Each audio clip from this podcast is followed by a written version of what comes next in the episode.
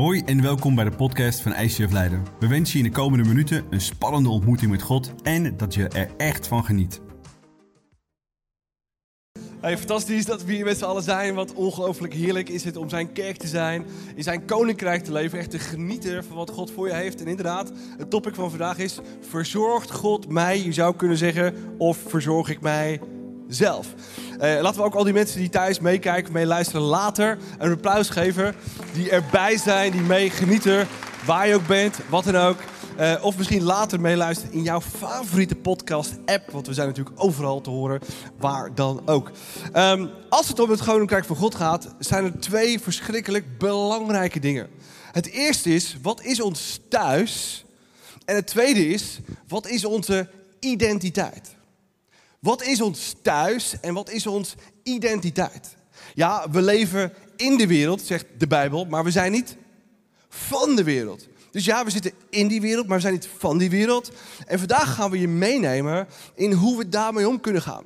Kijk, als je geen volgeling van Jezus bent en je loopt hier maar los rond in de wereld, ja, dan moet je natuurlijk alles regelen om je eigen koninkrijk, om je eigen behoeften, om je eigen wensen, om je eigen allemaal zelf te regelen, toch? Maar als je een volgeling van Jezus bent en God is je vader, wie is dan je verzorger? Ja, God. Maar vaak is dat heel anders. Want waarom is dat vaak anders? Dat komt vanwege het simpele feit dat als we Jezus in ons leven vragen en we gezegeld zijn met de Heilige Geest, hebben we nieuwe hardware, toch? Maar de software loopt nog een beetje achter. Dus je mag dan in het koninkrijk van God zijn. Je mag dan een zoon of dochter van God almachtig zijn. Maar we denken nog steeds, oh ja, maar ik moet mezelf verzorgen. En als ik mezelf niet verzorg, kom ik tekort. En als ik me goed niet voor mezelf verzorg, bla bla bla. Nee, we moeten leren dat als we volgeling van Jezus zijn, we in het koninkrijk van God leven, van buiten, maar ook van binnen. Dat God onze verzorger is en dat we onze wensen en behoeften bij wie neerleggen? Ja, bij God neerleggen, zodat Hij ook ons echt kan verzorgen. Dus wie is je thuis? Het koninkrijk van God. Niet alleen de buitenkant, maar met name ook aan de binnenkant. En wat is je identiteit? Nou, heel veel mensen, hun identiteit is, als je vraagt, oké, uh, wat ben je? Dan zeggen ze, ja, ik, ik werk in een ziekenhuis. Of dan zeggen ze, ja, ik, ik ben leerkracht. Uh, maar, wat ben je dan? Ja, ik, ik, dan zeggen ze waar je woont of wat er werk is. Maar als je volgeling van Jezus bent en je vraagt dan... Uh, wat ben je of wie ben je? Wat zeg je dan? Ja, eh, zoon of dochter van God, toch? Want dat is wat je niet was, totdat je je leven in Jezus gaf. Tot het moment dat je je leven in Jezus gaf, ben je opeens een zoon of dochter van God geworden. En als je dan aan jou gevraagd wordt, wat of wie ben je? Dan zeg je, ja, logisch, ik ben zoon of dochter van God almachtig, toch? Of niet soms? Ja. En op basis van wat je bent, ga je dingen doen. En wat draait het vaak om? We, we zijn vaak wat we doen. Ik ben een leerkracht. Wat ben je? Ik ben een leerkracht. Ja, wat ben je? Ja ik, ik, ja, ik ben een verpleegkundige. Ik werk in een ziekenhuis. Nee, als je Jezus volgt, dan ben je een zoon of dochter van God almachtig. En dan doe je het werk van een volgeling van Jezus, toch? Logisch? Het lijkt logisch, maar als je het gevraagd wordt, geven we vaak verschillende antwoorden. Omdat we niet helemaal bewust zijn wie we werkelijk zijn. En dus vanaf het moment dat je Jezus in je leven trekt, Jezus, ik heb je nodig. Ik wil niet zonder, ik wil niet meer mijn manier, maar uw manier. Geef uw Heilige Geest. Je bent gezegend met zijn geest. Ben je een zoon of dochter van God Almachtig voor eens en voor altijd. Twijfelen jullie nog? Oké, laten we dan Jezus een applaus geven. Voor het feit dat voor het feit dat dat zo is. En dat verandert dus ook niet meer. Als jij die commitment aangaat, geeft Jezus een hand. Jij kan God loslaten, maar Jezus laat jou nooit meer los. En als je dus tijd door gaat brengen met God Almachtig, met Jezus zelf, eh, elke dag, elke middag, elke avond, wat dan ook je tijd met God is, gaat God dan werken aan je verlangens en wat je wel, niet, wel en niet wilt? Ja, natuurlijk. Uh, voorheen was het misschien, ja, ik wil die positie en ik wil die werken en ik wil dat bereiken. Maar als je op een gegeven moment Jezus leert kennen, dan ga je leren, hey, God wil eigenlijk alleen maar dat ik, dat ik tijd met hem besteed. God wil dat ik graag met, met anderen besteed. Dat ik echt een licht en een zout en zout in hun leven ben. In je straat, in je werk, op je, uh, waar je dan ook bent. Dat is wat God graag in jou wilt veranderen. En als je tijd met hem gaat besteden, dan wordt alles anders. Dat zien we ook bij de twaalf discipelen van Jezus. In het begin waren het echt allemaal losers. Ze wisten niet wie ze waren, ze wisten niet waar ze vandaan kwamen. Ze wisten niet wat ze moesten doen. En zelfs nadat ze drie jaar met hem getrokken hadden en Jezus was gestorven, zeiden ze, ja zie je wel, hij is dood. Het was allemaal echt het hoax. Wat zeiden ze toen? Laten we maar weer gaan doen wat we altijd deden. Wat was dat? Vissen. Ze waren vergeten wie ze waren. Volgelingen van Jezus. Zonen en dochters van God Almachtig. En misschien heb jij ook wel eens in zo'n periode gezeten in je leven dat alles tegen zit. En dat je weer teruggaat naar de zwijnenstal. En dat je denkt van ja, weet je, ga ik maar terug naar mijn eigen leven waar ik altijd was. Terwijl we juist in dat soort momenten moeten doen wie we werkelijk zijn. Je bent een zoon of dochter van God Almachtig. Oké, we zien dus hier een aantal dingen wat we zijn. Als eerste, je bent dus een zoon of dochter van God Almachtig met een kroon. Uh, je leeft in het koninkrijk van God. Uh, God wil dus dat je echt een invloed hebt op deze wereld. En daar gaan we het vandaag over hebben. Zoonschap. Alle vrouwen die hier zitten, no worries. We gaan geen gekke dingen doen. Het gaat hier niet over geslacht. Het gaat hier over positie. Jezus heeft het over de kerk, over de bruid van Christus. Ik zou als man kunnen zeggen, oeh, dat is een beetje gek, ben ik dan de bruid van Christus? Het gaat hier ook over positie. En als het om zoonschap gaat, gaat het ook over positie, over erfenis. In het Oude Testament, wie erfde het meeste? De oudste. Ik ben de oudste, dus pa, ma, zorg dat je het goed geregeld hebt. Oké. Oké. En, het, en het ging naar de oudste zoon. Oké. Het gaat hier om positie. dus als we zoonschap hebben, mannen en vrouwen, het gaat over positie, niet over het geslacht. dus we gaan het hier hebben over zoonschap. Dat je een zoon of dochter bent, God almachtig, zoonschap. Daar gaan we het vandaag over hebben, om dat te snappen, te begrijpen en ook helemaal uit te leven. En een zoon betekent het volgende: opvoedbaar zijn of openstaan om te leren van wie? Van jezelf, van de uh, samenleving, van je vader, van je moeder. Allemaal hele belangrijke dingen natuurlijk. Maar van wie? Van God zelf. God wilt jou vanuit je oude leven, met je oude gewoontes, met je oude denkpatronen, losweken. Want die, iemand wel eens meegemaakt dat die oude denkpatronen, die oude manier van leven, uh, bracht dat heel veel leven? Of juist dat je denkt van nou, kan wel een beetje beter. Cor? Ja, kan wel een beetje beter. Nou, hoe kan het beter als we dus leven volgens hoe God het leven bedacht heeft? Waar lezen we dat? In zijn woord. En als we zijn woord lezen, tijd met God doorbrengen. En ook zeggen: God, oké, ik heb tijd met God. Ik wil u van u houden. Ik wil u begrijpen. Ik wil u snappen. Ik ga uw woord openen. Daar zit alles in wat u mij wilt leren. Spreek tot mij vandaag. Wat doet hij dan? Ja, sommigen twijfelen nog. Dan gaat hij ook echt spreken als je het echt verwacht. Als je het ook echt gelooft. Ik had van de week zo'n moment. Ik las zo'n vers. Uh, iemand wel eens in het leven dat je niet ver behandeld wordt? Iemand wel eens meegemaakt? Niet ver behandeld? Oké, wat is nou je eerste menselijke reactie? Ik ga ze afbranden, toch? Is toch heel logisch? Ja, oké. Ik zit zo ook in elkaar. Gek hè? Ja, ik ben ook gewoon mens, pastor. En ik hou ook niet zoveel van onrechtvaardigheid. En ik ben twee meter, ik ben goed gebekt. Dus easy om daar wat verandering in de zaak te brengen. Oké, nu las ik dit vers van de week en toen voelde ik me aangesproken. Als je Gods woord leest en je voelt je dan aangesproken, wat moet je dan als eerste doen? Ja, daar ben ik het echt niet mee eens. Nee, wat moet je dan doen? Ja, daar ga ik over nadenken. Wat ga je dan doen? Nederig.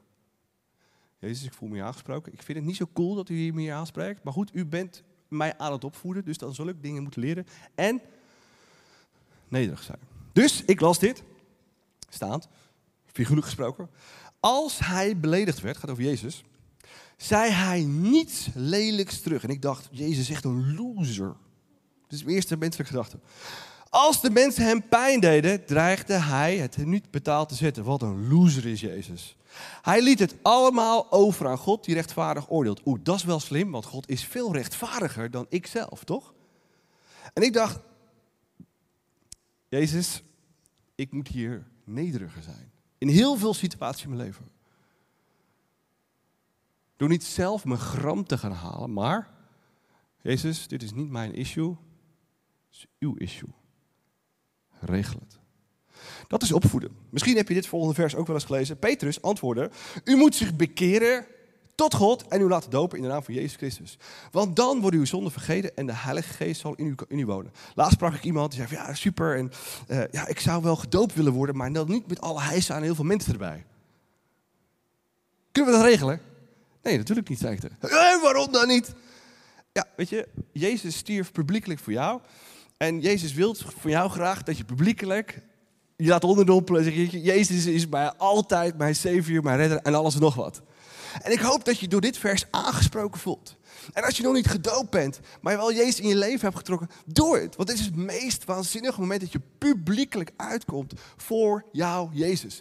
Laat je opvoeden door God en laat je opvoeden door zijn woord. En als je dingen leest en je voelt je aangesproken, dan zeg je niet, so goes it not, maar... Jezus, dank u wel. Ik vraag altijd dat u aanwezig bent in mijn leven. Liefst op een andere manier. Maar als u me aan het opvoeden bent, verander mij. Ik laat dit toe. Fijk, neem ons mee en hoe het verder gaat. Opvoeden.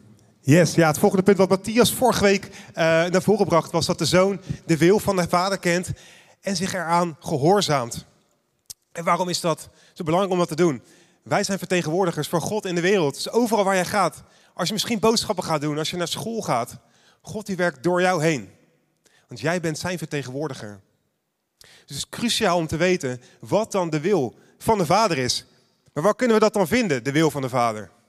Nou, dus simpelweg je Bijbel open te slaan.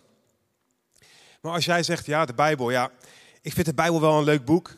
Ik pak er een beetje uit wat ja, bij mij past, waar ik me goed bij voel. Ik laat eigenlijk weg van nou, waar ik het misschien niet zo mee eens ben. Nou, dan volg je niet de Bijbel, maar dan volg je jezelf. Maar de zoon die wil de wil van de vader kennen, zodat hij weet wat hij moet doen. En vandaag gaan we verder in het onderwerp van zoonschap. En gaan we naar het eerste hoofdgedachte, rentmeesterschap. En ik heb hier een foto bij me meegenomen. Een foto, zeg misschien wel meer dan duizend woorden. Een zoon die bij zijn vader is. En is ook hoe de Bijbel beschrijft hoe onze relatie met God kan zijn. Dat we altijd naar God kunnen komen. Dat hij als een papa voor ons kan zijn. En ik weet niet, ja, misschien heb je dat met je eigen vader nooit mee uh, kunnen maken. Maar dan, dan moedig ik je aan om Explore te gaan doen. Want bij Explore ontdek je wie God de Vader voor jou kan zijn. En hoe fijn is het om bij God te kunnen komen. Maar het probleem met ons is dat het voelt als comfort. En we blijven zitten. Terwijl God zegt, ja maar ik wil je ergens anders naartoe gaan brengen. En het is eigenlijk, stel je voor dat er een, dat er een wereldwijd bedrijf is, enorm succesvol. Het buit geen mensen uit, sterker nog, het laat juist mensen opbloeien. Voor het land heeft het positieve invloed. Het is een enorm bedrijf. En deze CEO, die vader, die heeft een zoon. En wat zou hij met die zoon doen?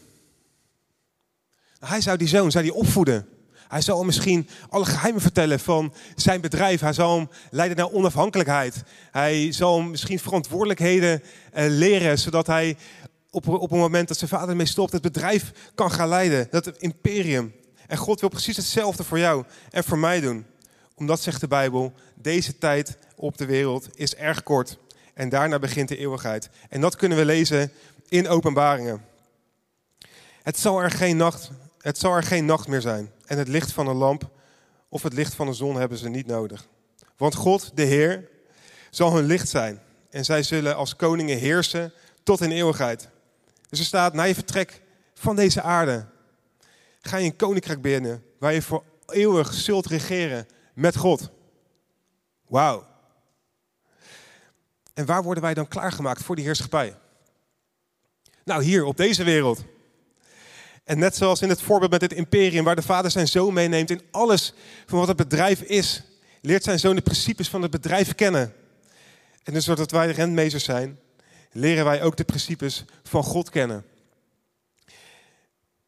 En het is belangrijk, eigenlijk essentieel, om het volgende punt te begrijpen. Dat je een erfgenaam bent. En wanneer ben je dan een erfgenaam? Nou, je bent een erfgenaam wanneer er iemand uh, sterft. Ja, maar wie stierf er voor jou? Jezus. Jezus kwam als mens naar de aarde, stierf aan het kruis, stond op voor jou en dat is het grootste cadeau wat je ooit zult krijgen. En ik heb een hele vette Bijbeltekst meegenomen die je denken compleet kan veranderen. Alle die door de geest van God worden geleid, zijn kinderen van God. U hebt de geest niet ontvangen om opnieuw als slaven in angst te leven. U hebt de geest ontvangen om Gods kinderen te worden. Door hem roepen wij God aan met Abba Vader. De geest zelf verzekert onze geest dat wij Gods kinderen zijn. En als wij zijn kinderen zijn, zijn we ook zijn erfgenamen. Erfgenamen van God samen met Christus. Want wij delen in zijn lijden om ook met hem te kunnen delen in Gods luister. Dat is toch te gek?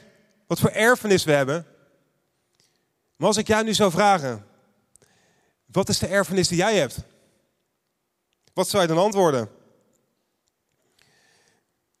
Laten we hier kijken naar een slide. Nou, we hebben vaardigheden gekregen. En het maakt niet uit of je misschien heel artistiek bent, of dat je misschien heel goed kan zingen, of heel goed kan spreken zoals Ari, of dat je misschien heel handig bent. Je hebt vaardigheden gekregen. En je hebt financiën ontvangen. Of het nu veel is of weinig, je hebt het ontvangen. En je hebt tijd ontvangen. En God heeft jou gemaakt en jou een lichaam gegeven. Met alles erop en eraan. Neem dan bijvoorbeeld je intelligentie. Je kan zeggen van ja, ik heb mijn diploma's wel gehaald. Ja, ik ben gewoon eenmaal een hele slimme jongen. Ja, dat komt omdat God jou een goed stel hersens heeft gegeven. Je hebt zoveel gekregen van God. En van wat je hebt gekregen, traint God je nu in rentmeesterschap. Hoe je met die talenten en gaven omgaat. Dus je hebt dingen gekregen van God. En hij traint je om die dingen te gebruiken. En de Bijbel is er heel duidelijk over. Dat God beloont wie er goed mee omgaat. Met zijn talenten en deze investeert om goed te doen. En stel je voor, je hebt mensen die voor jou werken. Het zijn er twee. En de een die zet zijn vaardigheden echt in, uh, die levert goed werk af. Maar de ander die zegt, ja, ik heb eigenlijk niet heel veel zin om er moeite voor te doen.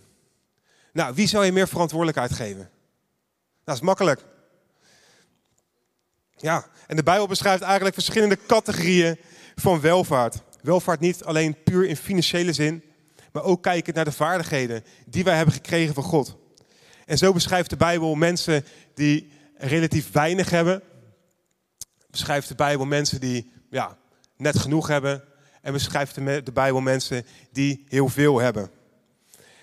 En dat betekent eigenlijk dat ieder van ons, ook wij hier in de zaal, bepaalde capaciteit hebben. Maar het probleem met ons mensen is dat we ons vaak heel klein maken. Dat we zeggen van ja, maar wie ben ik nu? Diegene hier naast me die heeft eigenlijk veel meer financiën.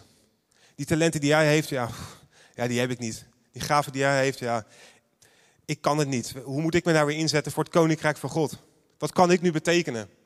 En het leuke is dat er in de Bijbel een verhaal staat van een weduwe, Zarpad. En ik raad je aan om hem ook echt te gaan lezen. 1 Koningen 17 vers 8. En het verhaal gaat als volgt. Het is een weduwe. En in die tijd als weduwe had je geen sociale zekerheid. Nee, je was aangewezen op de mensen om je heen, misschien aangewezen op donaties. Maar deze weduwe is niet alleen weduwe. Het is ook nog eens alleenstaande moeder. En het is niet alleen een alleenstaande moeder. Het is ook nog eens een alleenstaande moeder die leeft midden in een hongersnood. Ze heeft honger. En het enige wat zij heeft is een klein beetje olie en een klein beetje meel. En toen kwam er een profeet langs, Elia, en die daagde haar uit. Die zei, Sarpad, hou even wat water voor me, ik heb dorst. Oh, en als je dan toch terugkomt, neem dan ook eventjes een brood voor me mee, die ik lekker kan opeten. Nou, die weduwe had alle redenen om te denken van, ben je wel helemaal goed geworden? Het enige wat ik heb is nog een klein beetje meel en een klein beetje olie. Ik moet mijn kind nog te eten geven. Ik heb voor de rest helemaal niks meer. En jij, en ik ken je niet eens, wilt van mij een brood hebben?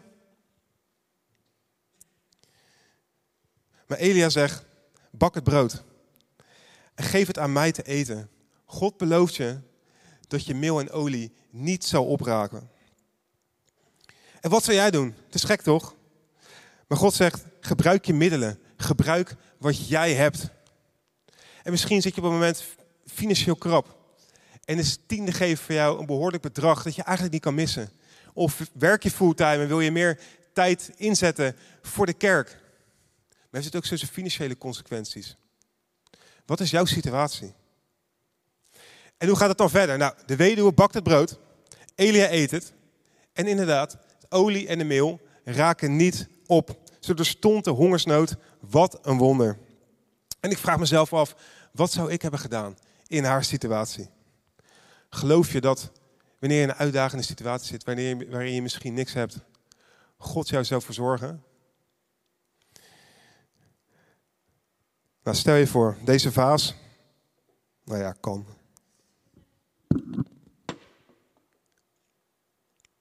Dit is het leven van de weduwe. En het enige wat zij heeft, is een klein beetje meel en een klein beetje olie. En God daagt haar uit om dus dat brood te gaan bakken. En ze had haar hand op die kant kunnen houden. Van ja, maar God, ik kan het niet. Ik kan het niet. Ik heb al zo weinig en ik moet mijn kind ook nog te eten geven. En God wil in haar situatie komen. Maar hij blijft die hand maar op haar, op die kan houden. Maar op het moment dat zij haar hand weghaalde en God kon in haar situatie komen. Meel en olie raakten niet op. Het stroomde letterlijk over. En laten we nu gaan kijken naar iemand die ja, genoeg heeft. Paulus. En Paulus hield in het begin, toen hij, toen hij Jezus nog niet kende, ook zijn hand op zijn kan. Van ja, maar ja, ik heb helemaal niks met het christendom. Sterker nog, hij vervolgde de christenen. Maar toen hij zich overgaf aan God, wauw, toen gebeurden er waanzinnige dingen. Zijn talenten en zijn gaven, die kwamen naar boven. Waar hij eerst christenen vervolgde, ging hij het woord van God verkondigen door heel Europa. God kon in zijn situatie komen. En misschien zit je hier en denk je, ja, maar mijn talenten, mijn gaven, ik ken ze nog niet. Nou, kom dan zo meteen naar de Welcome Home Group. Dan hebben we een talententest voor jou. Kom daar zeker naartoe. En nu gaan we naar iemand die heel veel had. En het is Abraham. Nou, iedereen kent Abraham wel. Abraham zag er goed uit, verzorgd uit, had heel veel geld, had een heel land.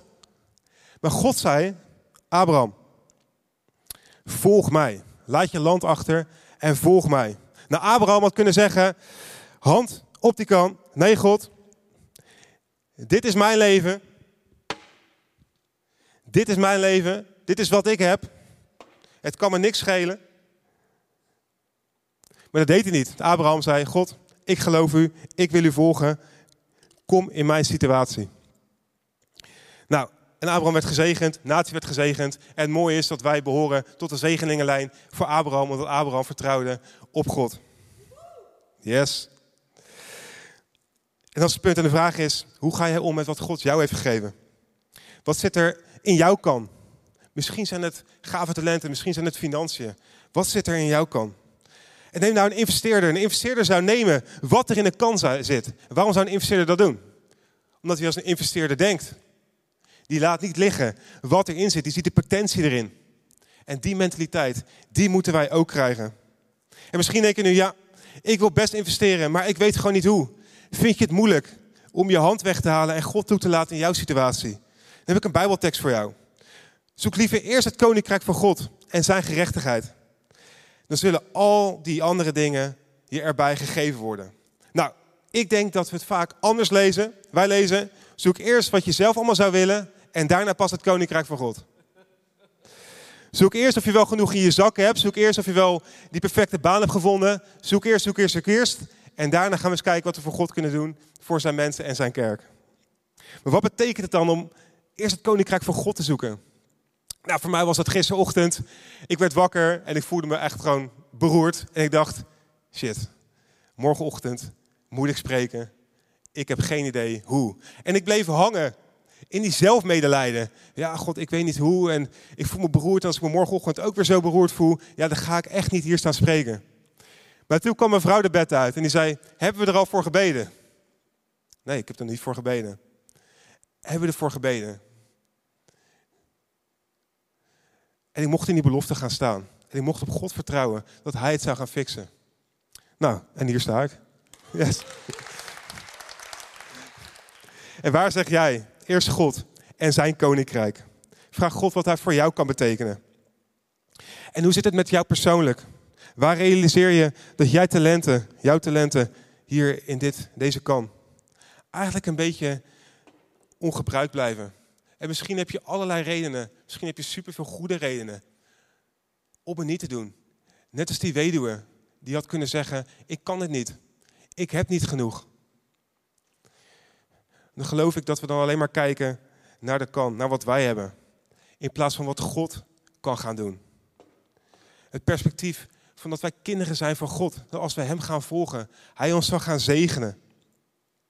En het maakt niet uit wat er bij jou in je kant zit. Het maakt niet uit hoe je ermee omgaat.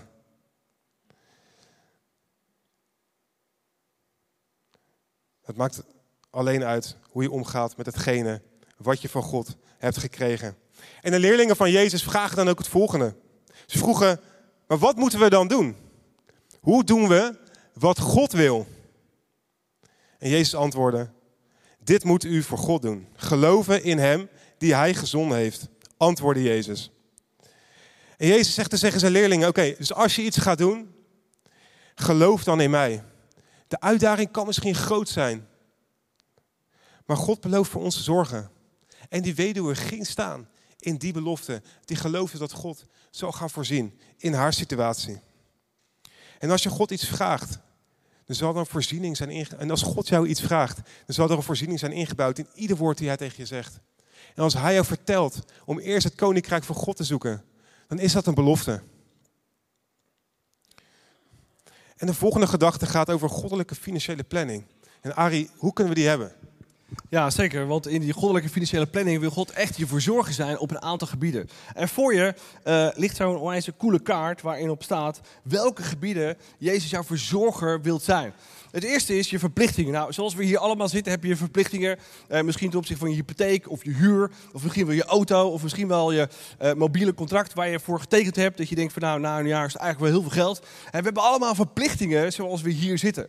Het tweede gebied waarin God je verzorger wilt zijn, is je behoefte. We hebben allemaal je behoeften. Dat kunnen diverse dingen zijn. Dat kan sport zijn, kopje koffie, heel belangrijk om een behoefte te hebben. Sociale relatie, hygiëne, cosmetica, voeding. Die behoeften hebben we allemaal nodig. En ook God wil daar jouw uh, verzorger in zijn. En het derde gebied waar God je verzorger wilt zijn, is in je wensen. Iemand wel eens wensen? Iemand wensen die je zelfs niet eens uit durft te spreken? Ja, weet je, wil je mijn wens weten? Echt? Oké. Mijn wens is dat ik een zeiljacht heb. Ik weet welke. Ik weet hoe lang. Ik weet ook hoe duur die is. Ik weet ook dat ik er de centen niet voor heb. Dat was mijn mens. En ik leg dat in Jezus' handen. Nou, wensen en behoeften in Jezus' handen leggen is nog best wel easy, toch? Maar je verplichtingen in Jezus' handen leggen, dat is tough. En heel vaak komen mensen naar me toe die zeggen: Ja, Ari, ik heb zo nog even bijzondere uh, iets meegemaakt. Dit huis hebben we van God gekregen. De vraag is, heb je van God gekregen of heb je gewoon een hele dure hypotheek afgesloten? Wil je echt durven in je verplichtingen, behoeften en wensen het in Gods handen te leggen? Jezus, wij zijn op zoek naar dit huis. Is dat een go of een no-go? Taf? Heel taf. Super taf. Om in je behoeften dingen bij God neer te leggen is nog best easy. Laatst in ons gezin hadden we ook zo'n behoefte. Mijn oudste dochter uh, reed al te lang op een veel te kleine fiets en die had een grotere fiets nodig. Nou, die wil natuurlijk een zwarte transportfiets van een bepaald merk. En pas precies drie weken geleden. Nou, niet alleen deze papa is die fiets aan het zoeken, maar er zijn nog heel veel meer papa's die fiets aan het zoeken.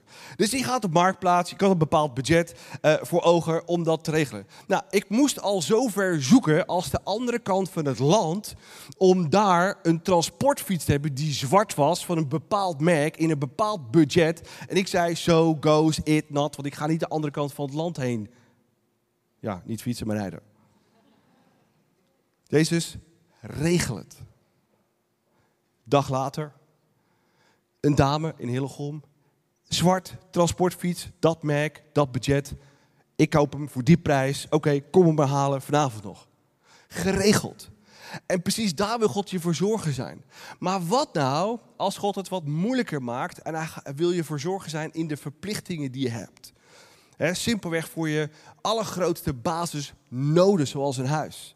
Nou, jaren geleden hebben we ons huis verkocht, wilden minder kosten hebben, dus kleiner gaan wonen, kerk bouwen, fulltime, alles erop en eraan. Zou je niet uh, uh, boren met ons eerste salaris, de eerste jaar van ICF, gaat helemaal nergens over. Hadden we geweten dat de woningmarkt na tien jaar er zo bij stond zoals nu, hadden we dat huis waarschijnlijk nooit verkocht. Maar je handelt in vertrouwen en geloof, toch? En ook twee jaar geleden hebben we gezegd, Jezus, we wonen in een te klein appartement, twee slaapkamers, we zijn met z'n vijven, uw issue. Regel het. En we hadden gezegd, als onze dochter naar het voortgezet onderwijs gaat, dat was vorig jaar, dan heeft ze eigen kamer, eigen bureau en niet nog met twee zusjes op een slaapkamer. Super nice, super leuk, lieve schattige kindertjes. maar ze heeft gewoon die tijd nodig. En toen was het april voor de zomer. Nou, ik kan je vertellen dat alles in een papa dan zegt, ik ga het zelf regelen. Je hebt vertrouwen nodig om echt op God te vertrouwen. En die dingen te willen die hij je geeft. Uit zijn hand vandaan. En ik heb ooit een keuze gemaakt. Ik wil dingen uit Jezus hand hebben. Weet je waarom? Omdat ik dan zelf niet hoef te stressen. Omdat ik dan zelf niet hoef te piekeren. Omdat ik dan zelf niet hoef de dingen te regelen. Maar hij is mijn verzorger. In mijn verplichtingen, in mijn behoeften en mijn wensen. En ik hoop met heel mijn hart dat je vandaag een keuze durft te maken dat Jezus jouw verzorger is elke dag in jouw leven. Tot de easy dingen van je wensen en behoeften, tot de moeilijke dingen, je verplichtingen. Want dat is wat hij wil, dat is een wens is. Een vader wil zijn kinderen verzorgen en geven wat ze nodig hebben. Als de kinderen het toelaten. En het is zo easy om in het Westen, waarin we zo welgesteld zijn, onze eigen verzorger te zijn. En God buitenspel te zetten. En God zegt, wil je me de kans geven op al die gebieden in je leven? En toen ik twaalf jaar geleden deze kerk start, dacht ik dat ik vertrouwen had. Not. Totdat God zei, lever dit in, lever dit in, lever dit in, lever dit in. En ik dacht, nou gaat lekker zo, bouw niet veel meer over. Maar God wilde me onderwijzen. Hij wilde me leren echt op Hem te gaan vertrouwen. Als ik zijn woord opendeed, wilde luisteren naar Gods woord. En de Heilige Geest me aansprak. En elke keer zei, en nu deze stap, en nu deze stap. Ja, je kunt alles zelf regelen. Je bent een vent van twee meter, je hebt een goede mond. Je kan alles zelf regelen, maar ik wil je verzorger zijn. En durven we toelaten dat Jezus onze verzorger is. Ik heb twee versen meegenomen waarin Jezus heeft over overvloed. Overvloed begint niet in jouw wensen, maar na jouw wensen. Lees maar mee. Vertrouw op de Heer en doe het goede. Bewoon het land en leef veilig. Zoek je geluk bij de Heer. Hij zal je geven wat je hart je verlangt. Maar we moeten het eerst zoeken bij wie? Ja, wij zoeken het vaak bij onszelf. Mijn salaris, mijn positie, mijn hogere positie, een hoger, een meer groter huis, een betere auto, betere dit. Maar God zegt, ik wil niet dat je het zelf regelt. Ik wil dat ik het voor jou mag regelen. Maar durven we Hem toe te laten? Durven we God, ja, God durven nog vaak wel het centrum van, zijn leven, van ons leven te maken. Maar ook zijn koninkrijk, dat zijn de mensen om je heen. Kijk even om je heen. Leuke mensen. Zitten er mensen tussen waar je zegt, gadverdammer. Nou, precies, God wil dat vandaag uh, in jou veranderen. Dat je dit het centrum van je leven maakt. Jezus en zijn kerk en zijn mensen. En nu komt hij. Het volgende vers is nog wat tougher. Het zijn niet mijn woorden. Don't shoot the messenger. Oké. Jacobus 4 vers 3. Als u bidt, ontvangt u niets. Iemand wel eens gehad? Ik hè? Waarom? Omdat u verkeerd bidt. U wilt alleen uw eigen hartstochten bevredigen. Iemand wel eens alleen met je eigen verplichtingen, met je eigen behoeften, met je eigen wensen geweest. Je bidt en je bidt en je bidt en je gebeurt niks. Regel je het weer zelf, toch? Omdat we in het Westen zo vaak met onszelf bezig zijn. En als er iets in mijn leven moest gaan veranderen, dan was het dit punt. En ik denk voor ons allemaal. Waarin God tegen me zei, Ari, weet je, denk je nou echt dat de wereld, het universum om jou heen draait? En waarom denken we nog steeds dat het universum om ons heen draait? Omdat de wereld om ons heen, mensen die Jezus niet kennen, zo leven. Maar we hebben toch een andere vader. We hebben toch een chef van het universum. En wie bezit alles in het universum. God zelf. We moeten alleen leren Hem te vertrouwen in onze verplichtingen, behoeften en wensen, zodat we vrij zijn van dat alles. Niet me, myself en I, maar naar buiten kunnen kijken, buiten ons huis, buiten deze kerk, naar mensen die Jezus niet kennen. Die ver van Hem zijn, die pijn lijden, omdat ze zijn principes niet kennen. Die alleen zijn, omdat God hun vader nog niet is. De kerken in Europa zijn leeg. Waarom? Me, myself en I. En Jezus zegt, laat mij je verzorgen zijn. Laat mijn kerk, mijn mensen het centrum van je leven zijn. En ik zal zorgen dat je niets tekort komt. En ik kan u zeggen, na twaalf jaar persen zijn, ik heb nog steeds niet dat zeiljacht. Jezus het probleem. Maar ik heb wat ik nodig heb. Ik heb niet alles wat ik wil, ik heb wat ik nodig heb. God is mijn verzorger in alles. En ik maak me geen zorgen meer. Zodat ik met mijn buurman bezig kan zijn. Met mijn buurvrouw bezig kan zijn van 80. Die Jezus nog steeds niet kent. Zodat ik met de ouders bij school bezig kan zijn. En te weten wat in hun leven speelt. Waar zij noden hebben. Waar zij supporten. Waar zij gebed voor nodig hebben. God wil jou verzorgen zijn. En God wil dat je succes hebt. En groot bent in deze wereld. Maar niet op een wereldse manier, maar op Gods manier. Hij wil dat je succesvol bent. Hij wil dat je mensen bereikt. Hij wil dat die mensen door jou heen Jezus leren kennen. Hij wil dat die mensen groot worden in hun identiteit. Weten waar zij vandaan komen. Door jou heen. Wat houdt je nog tegen? Ik weet het wel. Vertrouwen dat God onze chef is. En vertrouwen dat God daartoe in staat is. En ik wil jullie vragen een aantal momenten de gelegenheid te nemen. Vul die verplichtingen in. Vul die behoeften in en wensen. Waarin God je verzorgen kunt zijn. En misschien maak je je zorgen over de verplichtingen die je hebt. Jezus, wat kan ik hiervan? Wat wilt u mij vandaag zeggen? Misschien heb je behoeften. Misschien heb je grote. Schrijf het op. En laten we genieten en weten en bewust zijn dat Hij onze verzorger kan en wilt zijn. Als we één ding hebben. Vertrouwen, oftewel geloof in Hem die alles mogelijk kan maken. Zullen we dat doen?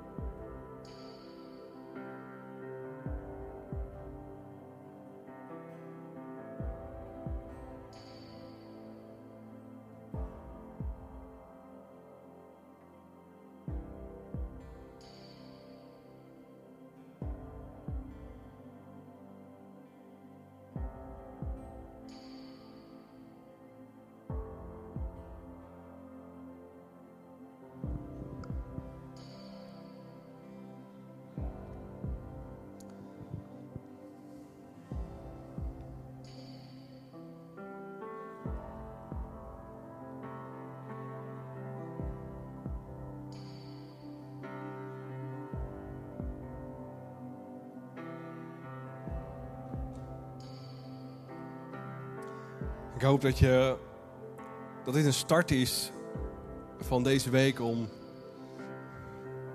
nog veel meer tijd te besteden aan deze drie gebieden. Om echt na te denken en God te laten spreken in je leven. Waar Hij je verzorger kan zijn. Waarin je dingen moet loslaten misschien. Die je taf vindt, waar je veel waarde aan hecht. Waarvan je misschien wel denkt, ja, dit is misschien wel het centrum van mijn leven, maar wil dat God het centrum van mijn leven is. Misschien heb je zelfs wel bepaalde wensen het centrum van je leven gemaakt. Waarin je zo keihard werkt om een bepaalde positie te hebben. En is dat die identiteit geworden in plaats van Jezus zelf? Waarin we dan onszelf aan het verzorgen zijn. Misschien wil je juist een andere baan aannemen om, om dingen financieel mogelijk te maken die misschien wel veel verder gaan dan je lief is. En is dat het centrum van je leven aan het worden in plaats van Jezus zelf? Wat het ook is, durf vandaag een keuze te maken. Dat je alles in Jezus handen legt en pas in actie komt als Hij zegt ja, nee, misschien, later. Hij wil je verzorgen zijn in alles. En laten we vandaag bovenal weggaan met het feit dat we echt een overvloeiend leven zullen gaan hebben. Als we zijn liefde, onze financiën, onze tijd en talenten laten overvloeien in het leven van andere mensen.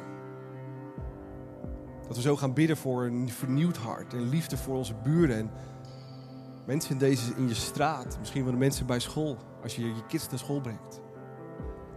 Dat je daar ergens connected mee wilt zijn met die mensen. En dat je ziet dat jouw tijd en jouw energie en jouw liefde die God door je heen heeft, dat het hun leven aan het veranderen is. En misschien geeft God je vandaag of deze week een beeld over wie dat is, of welk gezin, of welke collega. Want God wil door je heen werken. Hij wil dat je succesvol bent. Als we Hem durven te vertrouwen, als we dat geloof hebben in Hem. Zullen we samen bidden? Wees dank u wel voor wie u bent. Dank u wel voor deze confronterende message. Ook u moest leren elke dag weer op uw vader te vertrouwen. En elke dag spendeerde u tijd met uw vader. En wat u die dag moest doen, dat is echte afhankelijkheid. Dat is echt vertrouwen. Dat is echt geloof. Jezus, het spijt ons dat we nog zo vaak in onze oude gewoontes zitten. Van voordat we u leren kennen. Van voordat we u in ons leven vroegen. Van voor het feit dat u ons zegelde met uw Heilige Geest. En Heilige Geest, u wilt elke dag naar ons praten. Hoe we die dromen, wensen, behoeften en verplichtingen kunnen vervullen op uw manier. In geloof. En is ook wel dat u degene was. Die alles had wat u nodig had. Maar u ook wist dat door u heen liefde, geloof ging vloeien. Als eerste naar die twaalf discipelen om u heen. En dat ze ervaren wie u was en wat u was. En dat u door u heen werkte. En dank u wel dat die discipelen mochten groeien. Dat ze niet me, mijzelf en hij leven behielden. Maar ook bij het kruis achterlieten. En een zegen werden voor de wereld. En hier vandaag willen we met z'n allen een keuze en een statement maken. Door op u te willen vertrouwen voor alles in ons leven. Ons volgende huis, volgende baan, volgende verplichting, volgende behoefte en ook onze volgende wens. Het allemaal in uw handen te leggen, zodat u onze verzorger kan zijn. En u wilt onze verzorger zijn, want u bent onze hemelse Vader. U bent de chef van het universum. En u bent degene die onvoorwaardelijk van ons houdt. Wij willen leren. Spreek door uw woord. Onderwijs ons. Ik, wij willen uw kinderen zijn. Elke dag weer. En ervaren wat het is om een hemelse vader te hebben die elke dag in ons leven is. Ons voorziet in de kleine en grote dingen. We willen dat ervaren aan levende lijven. En dat kunnen we alleen maar als we u vertrouwen. Geloof hebben. En dat willen we doen. In Jezus' naam. Amen. Wij hopen dat deze podcast je heeft geïnspireerd en verder geholpen heeft in je relatie met God. Wanneer deze podcast je geraakt heeft en je de inhoud ervan wilt helpen verspreiden, deel dan deze aflevering op jouw favoriete social media platform. Op deze manier horen meer mensen over Jezus en deze boodschap van hoop. Je kunt ons ook financieel ondersteunen, waardoor we een maximaal bereik krijgen op het internet en nog meer mensen nieuwe hoop krijgen. Bedankt voor alles wat jij mogelijk maakt. We geloven dat kerk een familie is, dus of je nu live erbij bent of online meeluistert, we willen jou graag persoonlijk leren kennen. Als we jou persoonlijk verder kunnen helpen, dan horen we dat graag. Check voor info en meer mogelijkheden op onze website. Fijne dag.